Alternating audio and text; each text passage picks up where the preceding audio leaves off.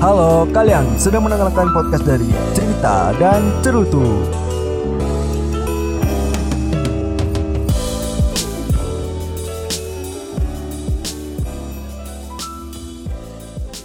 Halo semuanya, balik lagi di podcast Cerita dan Cerutu.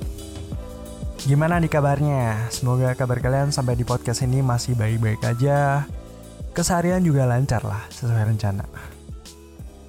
Oke, setelah seminggu lebih gue gak upload podcast karena kemarin gue juga ngadain submisi buat orang yang mau nyeritain ceritanya yang punya hubungan sama Anon gitu kan. Dan gue seneng banget di episode kali ini gue udah kedapatan cerita dari Anon. Mungkin langsung to the point aja kali ya. Oke, di sini gue bakal sampein cerita yang udah dikirim lewat DM atas nama X. Jadi cerita yang bakal gue bacain di episode ini tentang apa? Kayaknya lebih seru kalau kita langsung ngebacain ceritanya sih. Oke, langsung aja deh. halo admin, iya halo juga.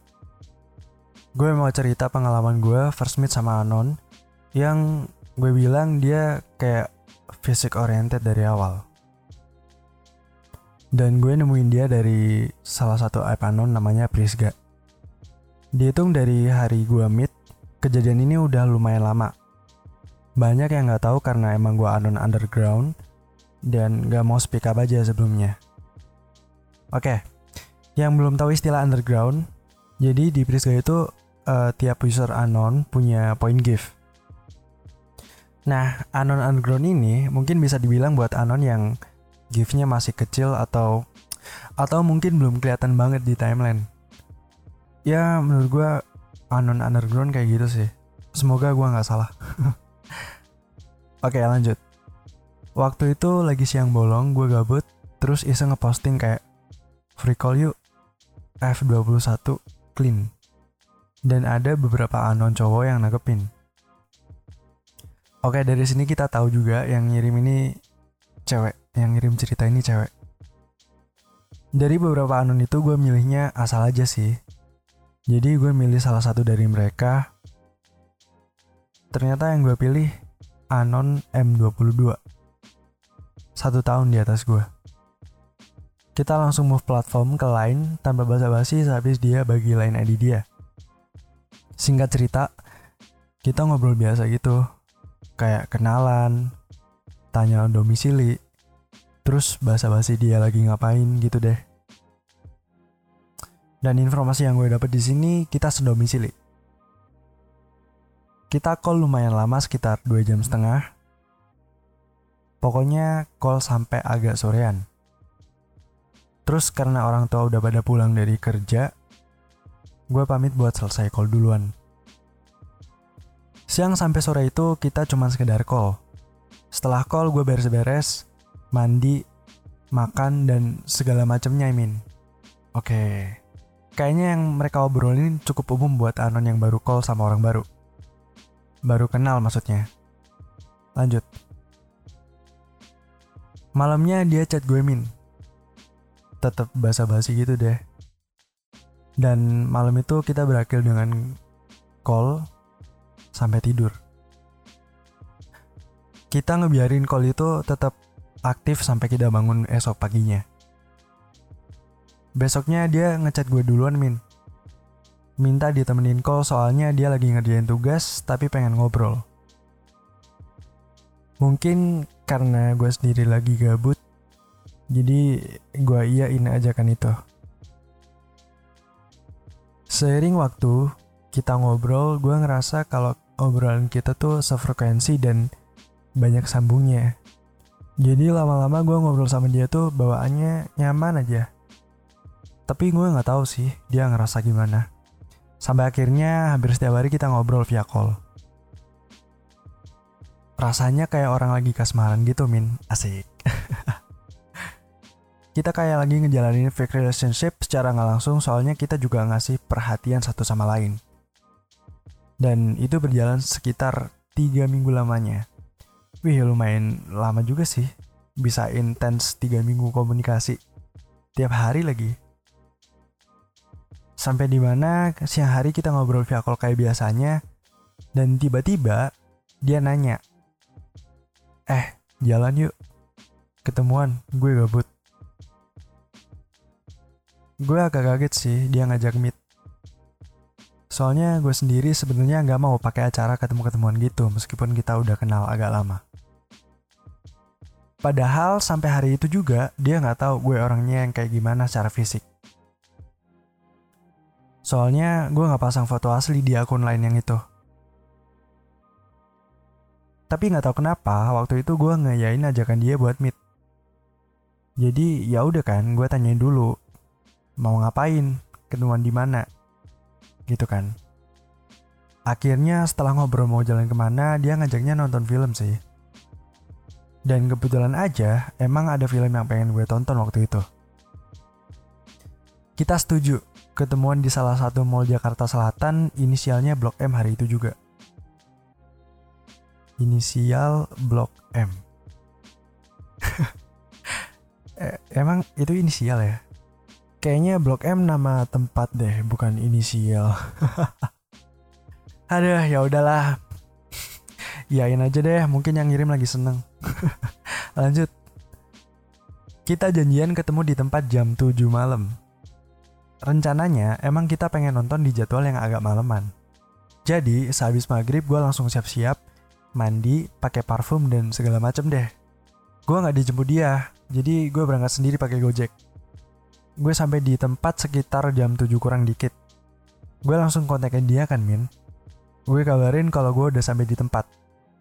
Dia ngabarin dia bakal sampai 10 menitan lagi. Ya udah, gue tungguin tuh Min. Sama sengaja gue beliin minum buat kita berdua, biar nanti kalau ketemu nggak awkward banget gitu.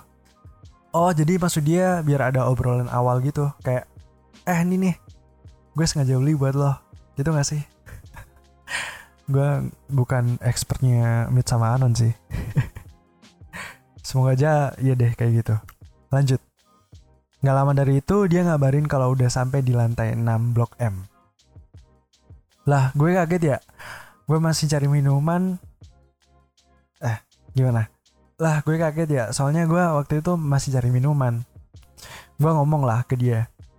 Eh, iya tungguin sebentar ya. Gue nyusul abis ini selesai urusan minuman kelar, gue langsung nyusul ke posisi dia cepet-cepet. Dan kita ketemu face to face for the first time. Uh. Sesuai rencana gue, gue ngasih dia minuman yang gue beli, dan dia nerima dengan senang hati. Gue seneng sikap dia kayak nerima apa yang gue kasih meskipun kayaknya itu hal yang biasa banget. Tapi emang sih, kadang sesuatu yang kecil itu selalu apa ya, paham gak sih? Sesuatu yang kecil itu pasti ada something lah. Meskipun itu sederhana, tapi something. Intinya di situ ada value yang menurut si cewek ini pasti ngerasa dihargain lah kayak gitu. Oke, lanjut. Tapi waktu gue ngeliat ekspresi muka dia, ada ekspresi muka yang gak ngenakin gitu.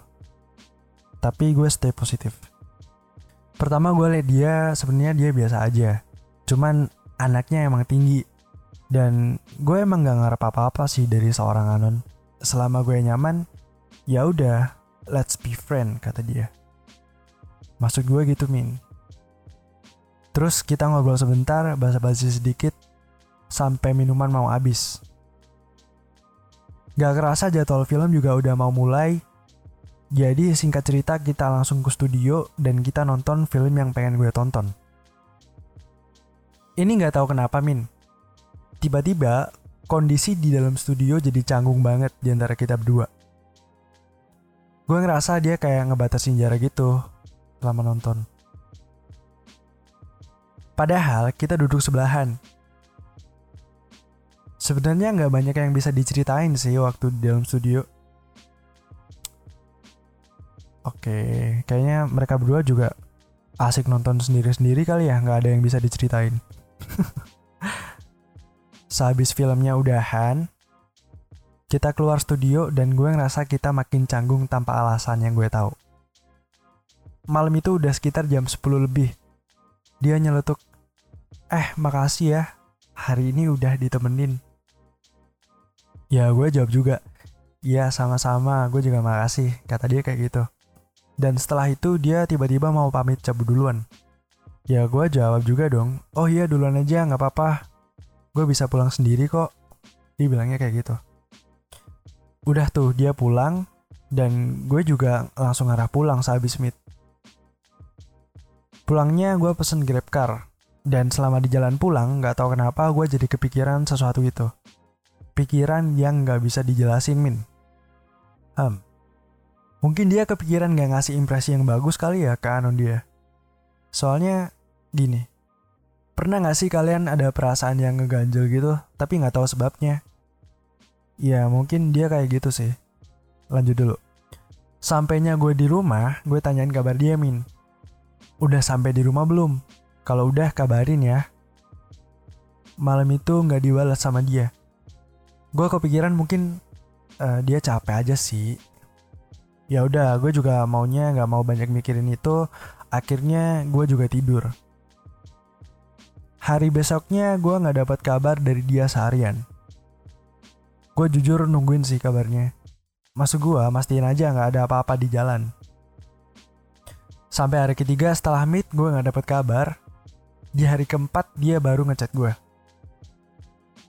Chat ini yang ngebuat gue sempat insecure soal fisik gue. Inti chatnya dia bilang, gue pamit dulu ya. Jujur aja, lo bukan tipe yang gue mau. Gue gak paham kenapa dia bilang kayak gitu. Berarti dia ngelihat gue dari fisik doang dong.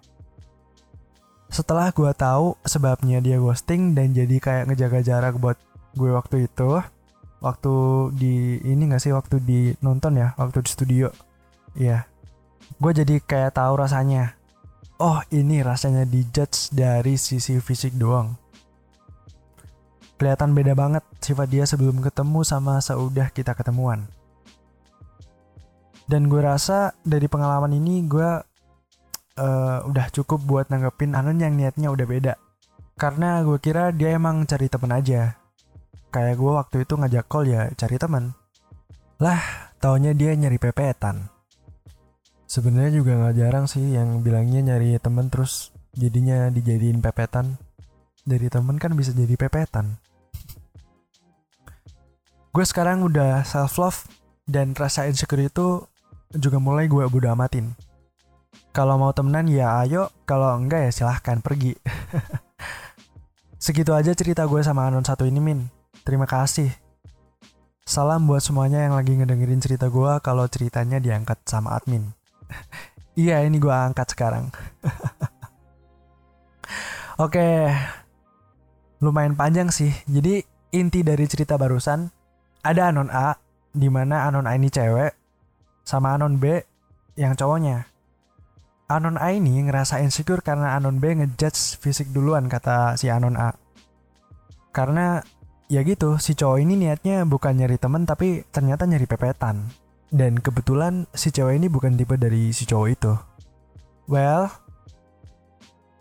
ya kalau menurut gue sih sebenarnya fisik emang bakal jadi impresi pertama waktu anon-anon ini uh, ketemuan. Tapi ada juga sih orang yang emang kalau udah nyaman sama sikapnya orang, ya fisik bakal jadi nomor yang sekian. Kemarin gue juga sempet nanya ke temen gue nanggepin cerita ini gimana. Dan dia nanggepinnya juga kayak gitu. Si cowok ini gak salah kalau ngutamain fisik. Soal si cewek jadi insecure gara-gara omongan si cowok, ya berarti emang si cewek ini gak cocok aja gitu temenan sama si cowok yang ini anon B. Emang sih kalau udah ngomongin fisik kadang sensitif banget buat diomongin. Misal aja gue di posisi cowok itu, yang gimana dia nganggap si cewek bukan tipenya. Ya kayaknya gue bakal diem aja sih. Dan ya udah gitu loh. Karena gue kira ngomong yang kayak gitu nggak baik aja gitu. Dan gue rasa itu nyakitin perasaan seseorang. Intinya dari gue fisik mungkin bisa jadi impresi pertama tapi nggak ada salahnya gitu loh kalian jadi temenan dulu buat ngerti gimana sifat seseorang yang sebenarnya daripada kalian cuma ngejudge orang dari luar doang misal kalian nggak ngerasa cocok sama dia ya udah diem aja gitu kalau menurut gue sih bicarakan yang baik-baik atau kalau nggak bisa bicara yang baik-baik Iya udah sih diem aja gitu. Disimpan sendiri sih kalau menurut gue. Atau gini deh, kalian boleh pamit. Misal kalian gak ngerasa cocok sama anon kalian, tapi pamitnya dengan cara yang baik versi kalian juga. Dan sekiranya itu nggak nyakitin perasaan orang lain. Itu aja sih menurut gue. Gitu sih yang bisa gue ambil dari cerita perdana kali ini. cerita perdana banget ya. ya. Ya soalnya ini cerita pertama yang gue angkat. Ya udah gue tuh pamit urut diri. Semoga kita masih dikasih kesempatan buat ketemu lagi di episode yang lain. Sekian dan terima kasih.